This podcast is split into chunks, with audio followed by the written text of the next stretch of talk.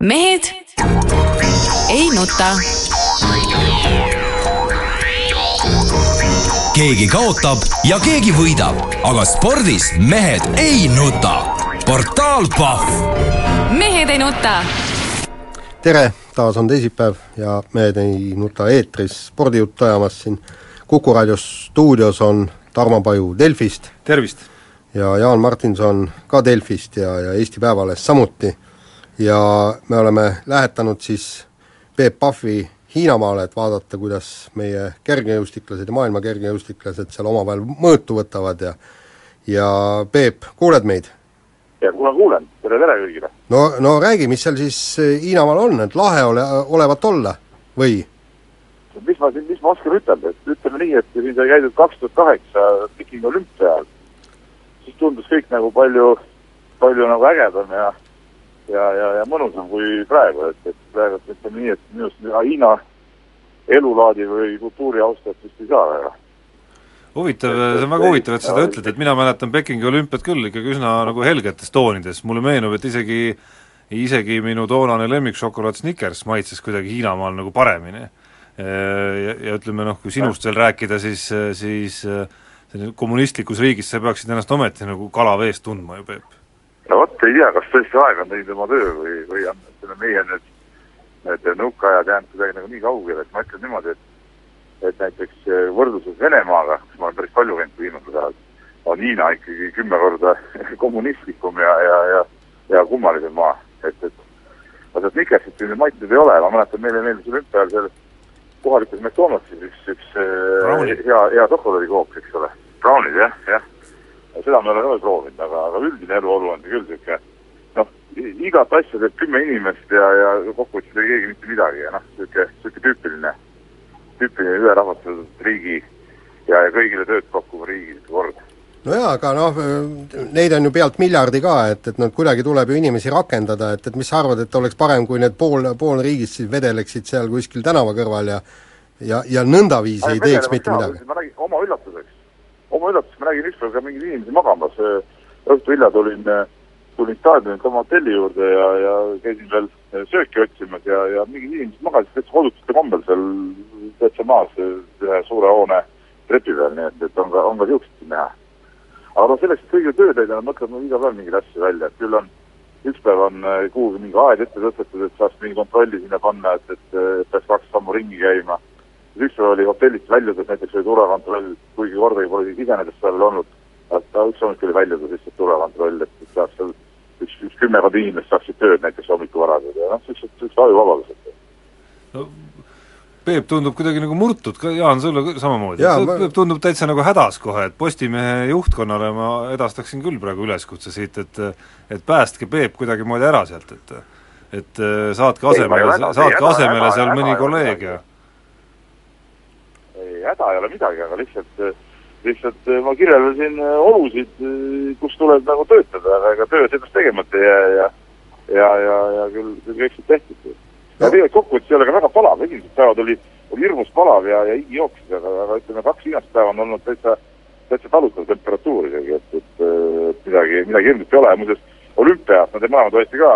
nagu, nagu ühel ajal Pekingis, kus toona oli nagu seda sudu ikkagi natuke nagu märgata, eks ole, seal taeva poolt praegu see sudu nagu siin Pekingi pool üldse ei ole.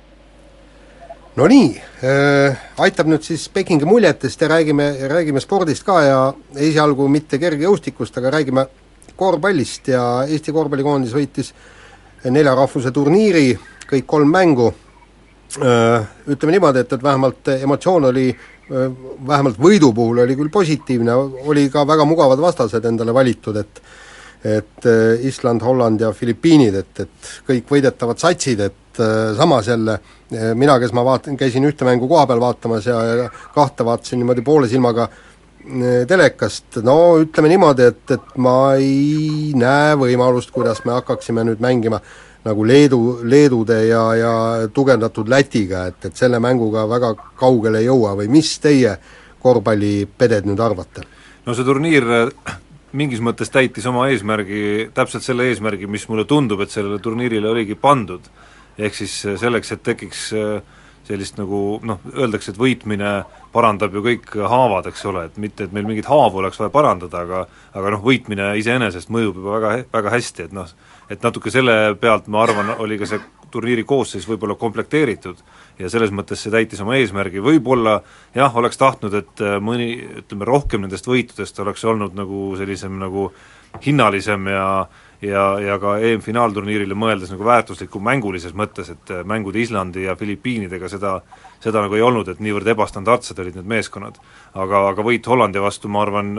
lähe-, läheb nagu sinna lahtrisse juba küll, et mille pealt saab nagu natukene võib-olla nagu noh, paremini meeskonda ennast tunda ja, ja ka mänguliselt midagi nagu õppida sellest võidumängust. nagu ma saan aru, eks, et kas see oli kihlveokontorite või, või kuskil edetabeli järgi on, on kaks meeskonda EM-i finaalturniiril mängivat meeskonda Eestist kehvemad ja, ja need kaks ongi Island ja Holland, et neid me pidimegi võitma, seal mingit hurraa-patriotismi ei saa tekkida. tahaks näha, kuidas tugevamaid võidetakse. mina, mina nägin ühte mängu ainult kui ma olin teel siia Pekingisse, ma Kopenhaageni lennujaamas veetsin mõnusat tunde ja vaatasin seda esimest mängu ülekannet. ütleme nii, et, et see erilist muljet mulle küll ei jätnud nagu meie, meie koondise tugevusest, aga, aga aga ma olen vaadanud teiste mängude statistikat ja asju ja, ja tegelikult okei okay,, võidud on muidugi head ja, ja see on hea, et need võidud kätte saadi, aga aga näiteks seesama Hollandi mäng ainult kahe punktiga, noh see ütleme, väga suurt optimismi muidugi ei, ei sisenda ja kui ma siin lugesin ka artikleid, mis head kolleegid kirjutasid nagu nendest äh, mängudest ja neid kommentaare, et, et et mis probleemid seal nagu siis valitsevad just selle, selle üks-üks kaitsega, eks ole, mis on, on suur probleem ja alates juba selliste võistkondade vastu see on probleem, siis, siis mis saab veel individuaalselt või tugevamate mängijate vastu. ja, ja, ja teine asi siis see, see korvide saamine, eks ole, et, et need on ikkagi suured probleemid, löövad välja juba selliste ütleme ikkagi nagu Euroopa mõistes keskmik, keskmiste võistkondade vastu, siis, siis ütleme, tugevamatega läheb, läheb ikkagi palju raskemaks. et minu arust selleks, et Eesti saaks minna noh, ma ei saa öelda nüüd nagu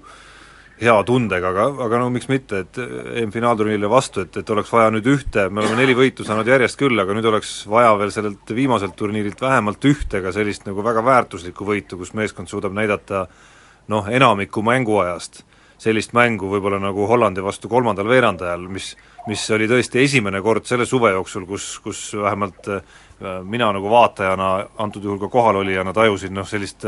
ikkagi, ikkagi ka mängu kvaliteeti, olgu ta Hollandi vastu või, või mitte, fakt on see, et Holland on finaalturniiril ja ja seal ütleme, komplekteerituse mõttes seal nagu mingis, mingi, mingil määral kvaliteeti ikkagi on. et see kolmas veerandaeg oli minu arust nii kaitse kui ka eriti rünnaku poole pealt, mida Sten Timo Sokk väga hästi vedas, ikkagi üsna nagu positiivne, aga aga nagu ma ütlesin, et selleks on vaja nüüd nagu sammu kindlasti ülespoole teha ja, ja võtta siit vähe väärtuslikumaid skalpe ka veel, olgu nad siis väga tasavägised mängud või või, või napid või kindlad võidud, aga, aga midagi oleks nüüd nagu edasi vaja kindlasti siit astuda, et et noh, needsamad Needsamad kaks asja Peep tegelikult mainis ära, et, et et nii skoorimine, kust meil skoor tuleb, kui meil seitse ja pool minutit jäi ikkagi Hollandi vastu lõpus punktid tulemata, et siis, siis läbi õnne me ikkagi pääsesime seal selle võiduga. ja teisest küljest nii meeskondlik kui individuaalne kaitse, et individuaalne äh, seda, seda muret näitab ju see, kui palju me vigu teeme ikkagi ja kui palju me vabaviskeid kingime vastastele ja meeskondlik noh, see lööb kohe selles osas välja, kus, kus me ikkagi korvi all ka Hollandi vastu juba hätta jäime, mitte et seal Holland kuidagi häbenema peaks, et see oli juba väga klassi, väga nagu kõrge klassiga eesliin, mis seal vastas oli. Kuigi EM-il tuleb muidugi veel kõvemaid ja seda meeskondlikku kaitset on nagu veel rohkem vaja siis. nii, aga natukene veel selle esimese saateosa lõpetuseks räägime rallist ka, Ott Tänakul Saksamaal, no Jaan ja Peep ei sujunud kohe üldse mitte. no jaa, põhimõtteliselt äh, Tänak ja, ja ega Ford ei saanud ka seda äh, või M-Sport ei saanud seda Fordi korralikult käima, et nagu ma sain aru, et, et suured probleemid olid seadistusega ja minu meelest kogu sellele rallile andis tooni see esimesel katsel väljasõit Äh, kui Ott Tänak kaotas seal küll aega ainult kümme sekundit, aga, aga kohe, kohe pärast seda ta võttis nagu, nagu selle hoo maha ja ilmselt võttis kõhu alt külja, külmaks poisil, et et sinna see tempo ja enesekindlus kõik kadusid, et et noh, see teine väljasõit järgmisel päeval, et noh, see, see oli ka nüüd paha-paha, et, et võitlus nagu tiimi koha pärast järgmisel aastal, et ei, ei ole väga, väga hästi nüüd sujunud vähemalt selle ralliga, või Peep? No ütleme nii, no ma küll väga põgusalt sain seda rallit äh, jälgida seda videot esimesest väljasõidust ja neid ma olen näinud, aga aga ma nii, äh, selles suhtes nii äh, mustras toones võib-olla ei näeks seda, et ikkagi äh, kui Tänak ei ole ikkagi neid aastaid rallisid sõitnud sellise autoga juba, juba aastaid, eks ole, et, et eks see, eks see paratamatult on ka imelik loota, et sõidaksid neid sama kiiresti kui need mehed, kes, kes on neid rallisid sõitnud nagu kogu aeg. et, et, et okei okay,, selle, see esimene ralli, aastase ralli võis minna nagu õppimise peale, selge see, et et, et ütleme, järgmine kord, et kui oleks tarvis juba, juba suuremat kiirust näidata asjade peal, jah, see on, see on nagu selge, selge, aga selle esimese ürituse põhjal nagu võib-olla väga palju järeldusi ei saa teha. jah, noh, ma arvan, et, et just saab äh, Korsika ralli saab äh, küllaltki määravaks järgmise aasta suhtes, aga nüüd teeme vahepeal reklaamipausi. mehed ei nuta. Keegi kaotab ja keegi võidab, aga spordis mehed ei nuta. portaal Pahv. mehed ei nuta. jätkame saadet kiire vahemänguga ja alustuseks räägime aerutajatest. meie neljasüst läks äh, vägevate lootustega MM-ile, äh, kuulutasid, et äh, hakkavad võitlema esikümne koha nimel, et, et pääseda olümpiamängudele, paraku läks nii, et, et sats ei jõudnud isegi mitte poolfinaali, jäädi küll välja null, null koma null seitsmeteistkümne sekundiga, aga, aga välja ta jäädi ja peatreener Peeter Becker oli muidugi ääretult paha, ütles, mehed põlesid täiesti läbi ja näiteks üht meest tuli seitsesada meetrit suisa kaasas tassida, et ma just ise mõtlen, et, et see vend oleks võib-olla siis aerutada ei jõua, siis oleks paadist välja hüpanud, oleks kergem tassida olnud, et oleks kergema mehe pidanud võtma selleks viimaseks, et, et oleks lihtsam natuke. aga tõsiselt rääkides, mulle, mulle jäi meelde kõrva üks intervjuu, mis enne MM-ile minekut üks nendest aerutajate meestest andis, kus ta ikkagi nagu oma noh, ühest küljest nagu väljendas nagu enesekindlust, aga teisest küljest oli selles mõttes kuidagi ebalev, et, et rõhutas väga mitu korda seda, et kui palju ikkagi nagu loosist sõltub seal ja kes vastaseks tuleb, et, et juba siis tegelikult ei õhkunud nagu sellist nagu tegelikku enesekindlust minu arust äh, nende, nende nagu sinna minekust. aga, aga võib, võib-olla oleks pidanud laskma siis välja arvutada kuidagi kolme mehe jõutõmbe järgi need resultaadid ja ringi arvestama, et võib-olla siis edasi saada. et kui oleks tehtud avaldused, jah, meil üks mees oli lihtsalt reisijana kaasas, sellest kuidagi saanud võib-olla seal mingi matemaatikud oleks leidnud kindlasti mingisuguse valemi, võib-olla isegi ma ei tea, kasutada mingeid protsente kindlasti ja nii edasi, et, et oleks, oleks ikkagi saanud kuidagi ennast poolfinaali pihverdada. no Mati Alaver oleks kindlasti mingi valemi suutnud välja mõelda. aga vahetame teemat, kuidas tema poole kiiresti pöörduda. just, kuidas mees, nõnda sõiduvahend, Andres Sõber, sai siis ametiautoks endale ei rohkem ega vähem kui Mercedes-Benzi. no siin, siinkohal tahaks küsida, et, et meil on kahe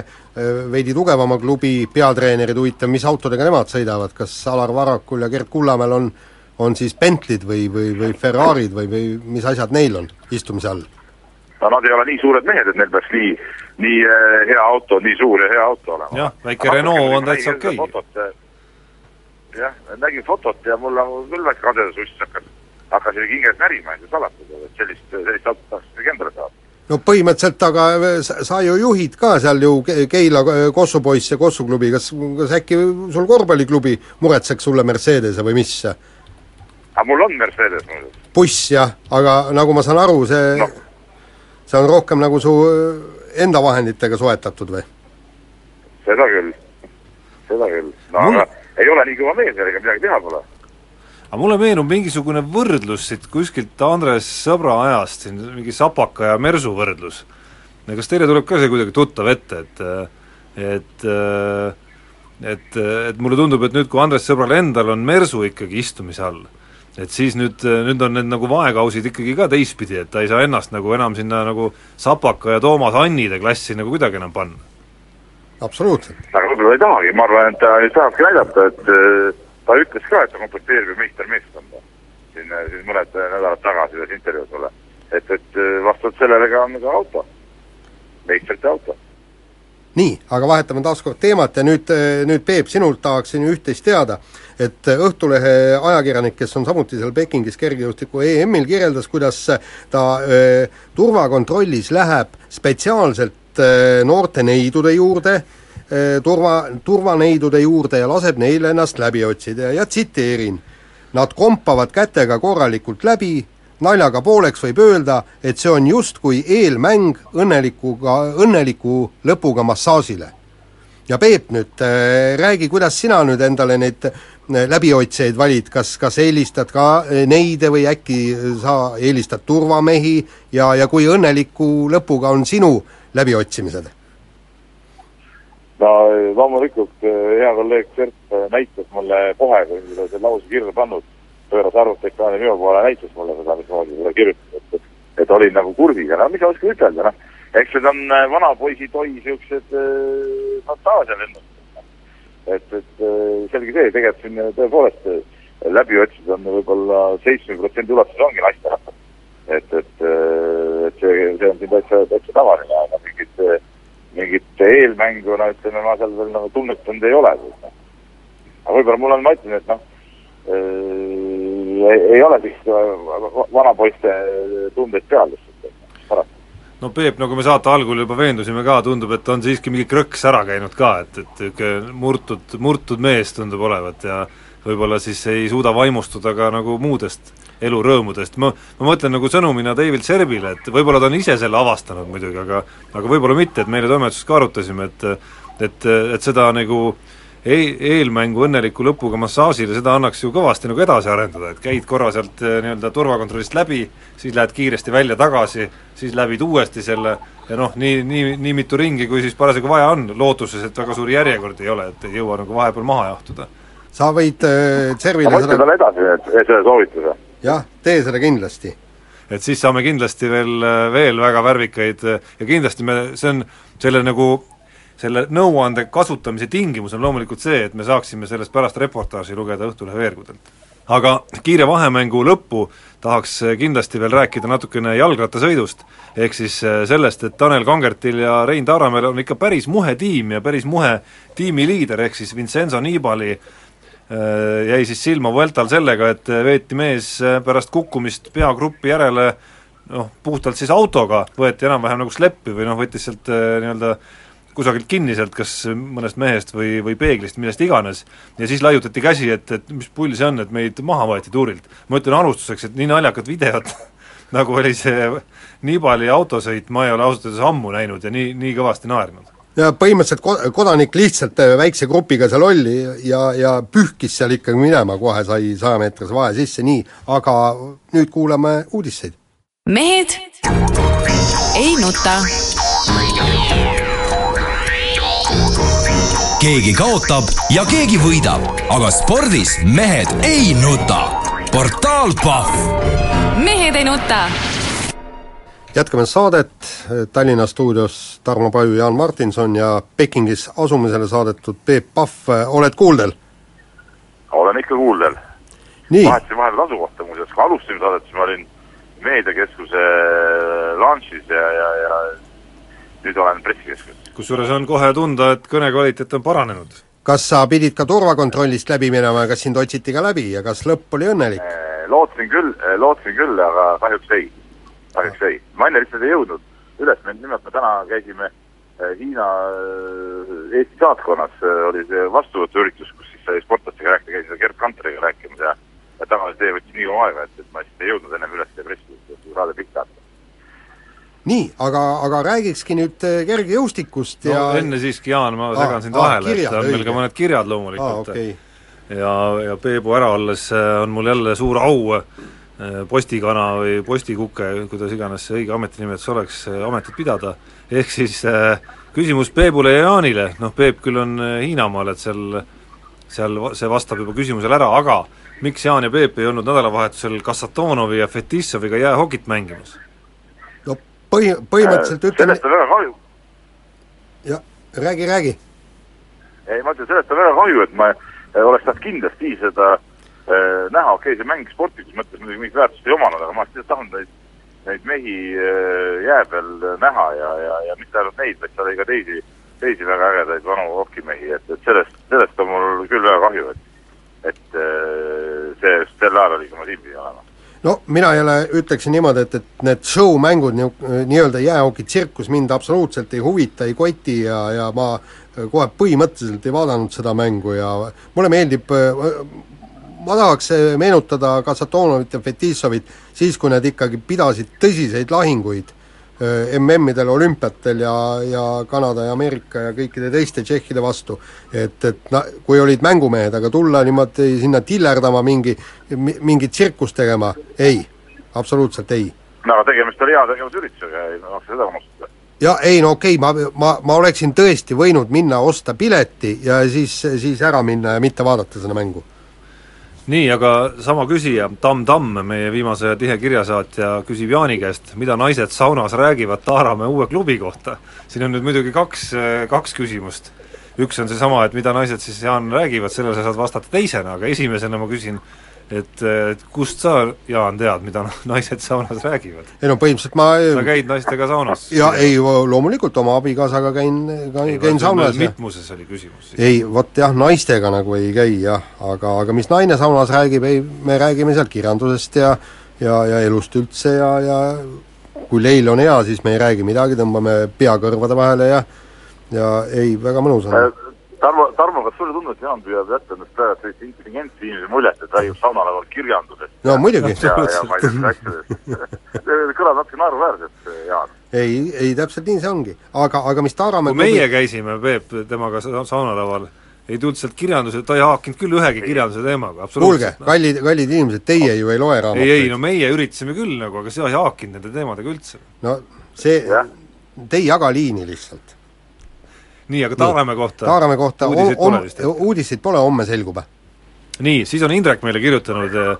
vana, vana hea küsimus või teema tuleb mängu, Jaan, kunas Veerpalu raamat välja tuleb või supled veel Šmiguni raamatu honoraris? no põhimõtteliselt ma kardan, et, et Veerpalu raamatut äh, ei tule, et, et äh, üks raamat ju tuli välja kohe, kui Veerpalu otsad kokku tõmbas äh, tippspordiga, aga, aga ma miskipärast arvan, et, et see raamat jääb kahjuks ilmumata või siis keegi teine teeb ära, jah, mina ei ole seda valmis tegema. nii, ja sama, samalt küsijalt veel, veel haakub natukene tänase Jaani looga Eesti Päevalehes, et kas see aasta profisuusatajaid ka veel on, keda jälgida, või toimub ainult Tartu maraton? no põhimõtteliselt jälgida tuleb, tuleb ikka, ega need suusatajad noh, ütleme nii, nii kehvad nad nüüd ka ei ole, eks, et, et, et neid jälgida, noh ikka loodame, et, et asjad lähevad paremaks, aga jah, paraku raha neil suusatajatel praegu ei ole, et, et suusa, Suusaliidus äh, pole seda, sedavõrd pappi isegi, et, et äh, MK-etappidele äh, sportlasi saata, aga noh, loodame, et, et see raha siiski leitakse. ja oota, ma tahaksin natuke sekkuda, oota Tarmo, enne kui lähme edasi asjadega. et, et millel, millel põhineb Jaani lootus, et suusatajad nagu ikkagi nagu äh, lähevad paremaks, et, et kui nad, kui need tingimused äh, on, on nagu kesised, äh, raha ei ole, ma saan aru, laagrites eriti käia ei saa, võitelda ei saa, millele põhineb Jaani lootus, nad lähevad paremaks, see on lihtsalt udujutt, mida sa ajad praegu. no trenni pole keegi keelanud teha. just täpselt, ja teine asi on see, et, et vaata, eelmise aasta MM-i tulemused olid kõikidel paremad kui Sotši olümpial. ja noh, nüüd on vaheaasta, et, et no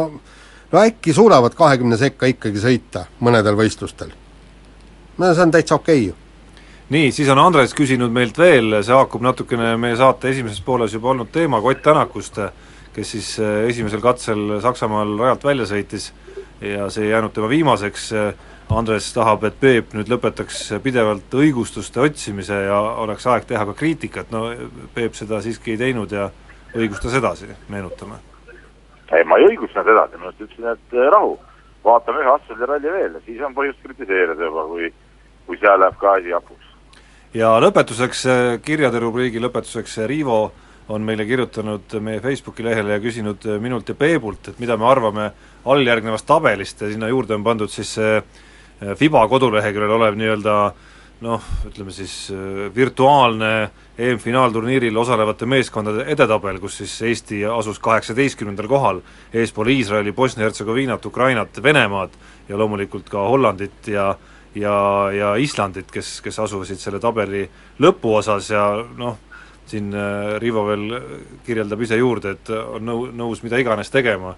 kui äh, Eesti peaks lõpetama kõrgemal kohal kui Bosnia ja Hertsegoviina näiteks selle turniiri. ja ega siin nagu väga palju lisada tegelikult ei ole, et eks see eks see tabel, noh, ma ei taha öelda, et see üks naljanumber on, aga eks ta üks selline üsna mitte väga asjatundlik tabel ole, et, et, et seesama argument, millega Eesti on tõstetud kaheksateistkümnendaks, võit Läti üle, et siin ilmselt väga ei ole süvenetud, et mismoodi see võit tuli ja, ja millise Läti üle täpselt see võit ikkagi tuli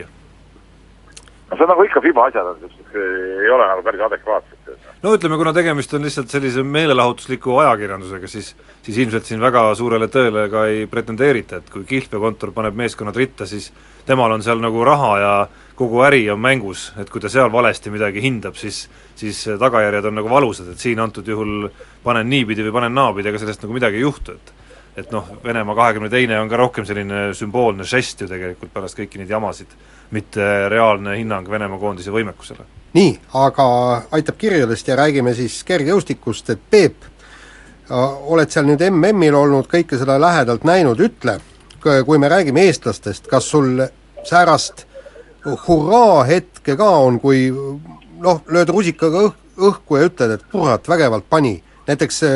äh Roman Fosti puhul kahekümnes koht maratonis, vot see, minu jaoks oli see nüüd ainus niisugune ohoo-moment, mi-, mis võib tõesti noh, nagu väga, väga suurele plusspoolele kanda. et teised olid noh, Rasmus Mägi tegi oma ära seal, ma ei tea, Gritša Teiko tegi oma ära no., noh. no kuidas ma sulle ütlen, jah, Fosti jooks oli kindlasti üks selline, mis, mis äh, oli nagu positiivne üllatus ja, ja okei okay,, võib mõelda küll, et mis see kahekümnes koht täna ei ole, aga ikkagi sellisel alal, kus on äh, ütleme, Aafrika ja, ja, ja nende niisuguste jooksjate ülemvõim on nii suur alati olnud ja selles kuumuses siin joostis ka veel, noh, igatahes väga, väga tubli ja, ja kõva saavutus ja, ja postile kindlasti hinne, hinne viis, eks ole, siin ei ole midagi rääkida. aga kui päris ausalt rääkides, ega, ega niisugust, niisugust vaimustushetke ei ole siin äh, MM-il veel tekkinud, et võib-olla mõni üksik eh, moment jah, et kui seal näiteks seitsmevõistluses eh, vaatasid, kui Rütsa Teiko seal sai mõne, mõne kõrgushüppekatse üle või, või see kaugushüppe kolmas katse, kuus kakskümmend kaks, kaks nulli all või või, või siis ka natuke eil, eilne odaviske eelvõistluse lõpp, lõppvoor, et, et seal oli nagu niisugust kerget erutust nagu tunda, aga, aga tervikuna mingit niisugust vaimustust ei ole, aga ma ei ole sinuga selles suhtes nõus, et sa ütlesid, et et Rasmus Mägi ja ja, ja Grits ja Treiko tegid oma ära, et, et kindlasti nad, nad ise nii ei arva, et, et et nii, nii Grit kui, kui Rasmus olid, olid raudselt seda meelt, et, et, et nad ikkagi seda, mida nad tulid sinna tegema, ära teha ei suutnud tegelikult. no põhimõtteliselt, kui Šadeikol jääb vist seitse punkti, jääb Eesti rekordist puudu ja, ja no, no kas sa, Peep, tõesti arvad, et, et ne-, neiu võib hakata siin kuus tuhat nelisada, kuus tuhat viissada kunagi tegema? ta on ju kõik me oleme siin arutanud seda ja, ja, ja eile muuseas ka väga pikalt äh, vestlesin nii Rasmusega kui Briti treenerit äh, Taivo Mägiga ja, ja, ja, ja oleme siin ka ajakirjanikega omavahel nagu arutanud ja neid punkte kokku pannud ja ja kuulnud, mis, mis seisus ta tegelikult äh, sel hooajal on olnud, et siis siis kuus tuhat nelisada võiks olla reaalne, aga samas noh, ma ju eufooriasse ka ei laskuks, sest et elu on näidanud, et ta siiamaani ei ole suutnud neid oma neid asju seitsmealases kokku panna, et, et et eks ta raske on, aga kuus tuhat nelisada võiks tal olla, olla võimalik küll ja samamoodi Rasmus Mägile kindlasti oli, oli finaal äh, tegelikult jõukohane, et, et äh, uus Eesti rekord oleks, oleks võinud äh, sündida küll ja, ja, ja, ja see finaali koht oleks pidanud ütleme, ütleme treeningute ja asjade põhjal tal ikkagi olema, olema võimalik. Samas ma vaatan, et latt on nagu selles mõttes noh, ka nende enda poolt päris kõrgele aetud, et kõik alla rekordi äh, on justkui nagu pettumus, et, et nii nagu Rasmus Mägi ka tänastes intervjuudes, kaasa arvatud Peep sinu enda loos, ju ka nagu kainelt rääkides aru annab, et et siis, siis ei saa tegelikult sellel tasemel enam eeldada, et siin nagu igal aastal nüüd jälle kümnendik kaks, kolm või mit, mitu iganes sealt nagu maha tuleb enam. et, et seal mingid vaheaastad ilmselt peavad olema ikkagi, kus, kus vahepeal natukene nagu noh, nii-öelda siis tööd teha ja siis jälle nagu edasi minna. ei, sellega, sellega ma olen täiesti nõus, aga aga minu arust see on hea, kui sportlastel on eesmärk, et eh, lähed starti ja tahad teha rekordi, ma just, just täna hommikul vestlesin eh, Maicel Uiboga ja, ja ja tema ütles ka, et ikka, no ikka, ikka tahan minna rekordit tegema, ikka lähen, läheb nagu üritama seda, et see on nagu, see on nagu loomulik ja ja, ja see on hea, ütleme, et, et ajad on võib-olla möödas, kus tuldi niisama starti, et see, see ei ole nagu päris, päris okei okay minu arust niisugusel tasemel. no seda enam, et tegemist on sellises eas sportlastega, kes, kes nagu noh, Gerd Kanteri puhul, eks ole, tõesti enam ei pea nii mõtlema, aga aga, aga nende seas kindlasti. nii, aga nüüd teeme väikse reklaamipausi. mehed ei nuta. keegi kaotab ja keegi võidab, aga spordis mehed ei nuta. portaal Pahv mehed ei nuta. saate viimase osa alustuseks räägime taas kord kergejõustikust ja vaatame natuke tulevikku, et Peep, said rääkida Gerd Kanteriga ja, ja Maicel Uiboga ja, ja te-, ja teistega, kes, kes nüüd võistlust olla asuvad, et milline meelsus on ja mida me nüüd loodame, kas, kas Kanterilt ikka medal tuleb? see on põhiküsimus ju no see on põhiküsimus meie jaoks kindlasti, sest et olgem ausad, Kanter oli, on ja jääb meie ainus medali lootuseks siin äh, MM-il. no ütleme nii, et Kanteri seis on, on, kuidas ma ütlen, noh äh,, tegelikult no arvestades et seda viimast kontrollvõistlust, mis ta tegi, et, et äh, see oli nüüd üks kolm, kolm meetrit lühem heide, kui ta siin hooaja, hooaja parim on et, et, et selles suhtes on, on kõik okei okay,, et oma tippaegadel tegi samamoodi nendes testvõistlusi enne, enne starti ja, ja siis ta heitis ka tavaliselt oma, oma tollastest parimatest äh, kolm meetrit võib-olla vähem. see tähendab seda, et on ikkagi reaalselt äh, siin juba tiitlivõistlusel niisugune kuuekümne, kuuekümne viie, kuuekümne kuue meetri heiteks võimeline ja, ja ma arvan, et see võib medali anda selle, selle hooaja taset arvestades no ilmselt annabki, et, et ma, ma kujutan ette, et kui kuuskümmend kuus juba ära tuleb, et, et siis on, siis on tõesti ülihead võimalused äh, seda medalit võtta, aga mis meie kümnevõistlejad, et äh, Eesti re-, või isiklikud rekordid ikka tulevad? Eesti rekordid kindlasti ei tule jah, et, et ja see oleks parandatud, aga isiklik rekord, no ega, ega ma Maicel Uibot ju selles suhtes ma ei tea tema seisundist rohkem, kui ta, kui ta ise rääkis ja, ja ega ta ega ta ise ei oska ka väga hinnata, ta ei ole ju, ju, ütlen, tema jaoks on täitsa uus kogemus ka siin äh, Aasias võistelda, ta tuli ju Ameerikast, ajavahe on täpselt kaksteist tundi. et nagu, nagu täpselt ringi on pööratud öö ja päev, aga, aga ta on juba tükk aega siin olnud ja ütles, et vähemalt aklimatiseerunud on korralikult ja, ja, ja iseenesest läheb, läheb kindlasti rekordit, rekordit püüdma, et, et mingeid niisuguseid segavaid tegureid ei ole olnud. et, et ma usun, et arvestades tema seda progressi ja seda, et noh, ta ei tohiks nagu mingit väga väsimusfooni olla, et viimased võistlused päris palju möödas, siis äh, ma arvan küll, et ta on, on võimeline rekordit tegema. et selles suhtes ma tahaks olla nende kahe sportlase suhtes küll suhteliselt optimistlik. samas näiteks Heleri Naas, kõrgushüppaja, ütles,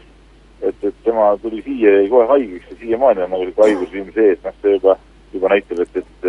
võib-olla seal on nagu raske jälle väga, väga suuri lootusi panna. Aga räägi,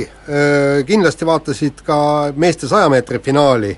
kui me nüüd rahvusvahelise kergejõustiku peale lähme, et ütle, mis mulje sul oli just enne finaali, tähendab me vaatasime no noor reporter Märt Roosnaga seda ja, ja kumbki ei uskunud, et, et Bolt võiks võita, me olime üsna veendunud ja, ja vahepeal isegi tekkis tunne, et, et kas ta üldse medalitki saab. sest noh, vend oli niimoodi kõhklev, ta ei olnud äh, tavapäraselt enne starti ärplev, vaid pigem niimoodi tagasihoidlik ja endasse sulgunud. aga, aga näed, ära tegi. no selles suhtes ma sinuga küll nõus ei ole, enne starti ta oli äh, nii-öelda staadionil olles ta tegi oma, oma väljaliigutused ikka ära, et no ei teinud ta see oli ikka, see oli ikka hoopis madalamatel tuuridel, kui, kui me oleme harjunud. aga no selles, selles suhtes küll, aga, aga noh, eks polnud ka põhjust võib-olla. ma ei näinud ise kui seda poolfinaali, ma olin samal ajal all äh, Mikksoonis äh, rääkimas seal, ma ei mäleta, kas, kas Rasmus Mägi või, või kellegiga. ja, ja, ja seda poolfinaali, noh, nägin ainult poole silmaga läbi inimeste teleekraanilt, et et äh, ma alguses vaatasin, et ta ei saa üldse finaaligi ei saanud, aga, aga lõpuks ikkagi veel, et ta võitis selle jooksu. ei, mul kindlasti mingit usku ei olnud, et ta võidab, ma arvasin, et et, et Kätlin võidab selle jooksu rahulikult ära, aga kui Jaan Ennist küsib, et kas on mõni niisugune vau-efekt olnud, siis, siis selle saja meetri jooksu äh, peale oli küll vau-efekt, et kuidas, kuidas see, kuidas see mees ikka seda tegi, et, et lihtsalt tuli ja ja, ja jo, jooksis ennast võidule, noh, et, ja, ja niisuguse ajaga ka veel, mis on ikkagi, ikkagi tipp-topp tulemus. no see on ikka ikkagi võimatu, jah no see oli nagu väga vau ju ka ühes teises mõttes ja, ja ei ole maailma spordiajakirjandus seda kuidagimoodi nagu varjanud ka, eriti näiteks Suurbritannias, mis, kus see teema on nagu väga kõvasti üleval.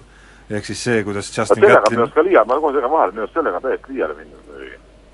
et, et see on nagu, nagu üle võlli, ei ole Catlin esimene sportlane, kes on peale dopingukaristuse kandmist tagasi tulnud. no ma ei mäleta küll, et, et kellegi teise peal oleks nii hirmsasti seda seda, seda vahtu pandud ja, ja seda lõputult räägitud, räägitud, räägitud, et, et noh, see nagu ei, ei ole nagu päris, päris okei okay, minu arust. no keegi, keegi teine nendest ei ole võib-olla kaks korda vahele jäänud siiski, nagu Justin Gatlin ja, ja ei ole ka võib-olla maailma ühel kõige nagu mainekamal alal ehk meeste saja meetri jooksus äh, maailma parimaks kerkinud pärast seda keeldu, et selles mõttes on see nagu kõrgendatud tähelepanu minu arust jällegi nagu üsna õigustatud ja ja ma ei taha küll nagu kiuslik öelda olla, aga no minu arust see on miski, millega ikkagi noh, kui sa oled niimoodi selliste rikkumistega hakkama saanud, noh siis, siis see on miski, millega sa pead elama ja, ja hakkama saama. ei, minu arust peaks olla nii, et ma niisuguseid mehi lasekski üldse üldse võistlema tegelikult, see on nagu esimene asi ja kui juba võistlema lastud, eks ole, ja, ja reeglid on nagu sellised, et, et tal segata asjadel on lubatud tagasi tulla, noh siis, siis, noh siis on minu arust nagu kiusu ajada, noh sellel ei ole, ei ole ka mõtet. nii, aga nüüd peame aga minema jaa, pigem, pigem nagu öeldakse seda, et niisugused mehed ei saagi enam teha. noh, et see ongi siis ütleme selle, et kuna nii-öelda kohtuveskid ei saanud hakkama, siis nii-öelda naised saunas teevad selle asja nagu oma kohtu korras ikkagi lõpuks nagu ära. aga nüüd läheme ennustusvõistluse juurde, eelmise nädala õiged vastused olid need, et Eesti neljasüst ei pääse olümpia, ei saa siis olümpiakohta, see, et Eesti korvpallikoondis võidab kodusel turniiril kõik kolm mängu ja see, et Ott Tänak saab Saksamaa rallil seitsmenda koha või kehvema ja meil on veamekihla.ee keskkonnas kuus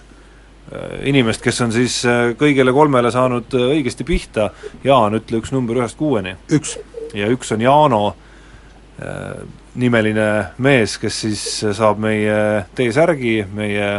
Avalone auhinna ja siis veel ajakirja Sport poole aasta tellimuse ka, aga nüüd läheme uue nädala küsimuste juurde ja küsimus ük-, number üks, kas Gerd Kanter saab MM-il kulla, hõbeda, pronksi või jääb medalita? saab hõbeda. Peep? no ma arvan ka, et saab hõbeda. no ma ütlen siis, et saab äh, pronksi. Teine küsimus, mitu mängu võidab Eesti korvpallikoondis Horvaatias, null, üks, kaks või rohkem? null, kahjuks. no äkki ühe saavad äh, kätte või kui nad seda ühte kätte ei saa, siis on asi hapu enne nii, ja mina ütlen, ma ütlen ka null ikkagi ja lõpetuseks, kas Eesti kümnevõistlejad Maicel Uibo ja Janek Õiglane teevad MM-il mõlemad isiklikud rekordid, üks neist teeb või kumbki ei tee? ikkagi vist üks teeb, ma arvan. Peep? Äh, no selles suhtes ma pean Jaaniga nõustuma, mõlemad sümpaatsed poisid, aga Uibo teeb ja õiglane kahjuks ei tee, ikkagi debutant ja, ja niisugusest katkes raske. selge, no ma ütlen, et kumbki ei tee. nii, sellega on saade lõppenud, kuulake mind nädala pärast. mehed ei nuta. keegi kaotab ja keegi võidab, aga spordis mehed ei nuta. portaal Pahv mehed ei nuta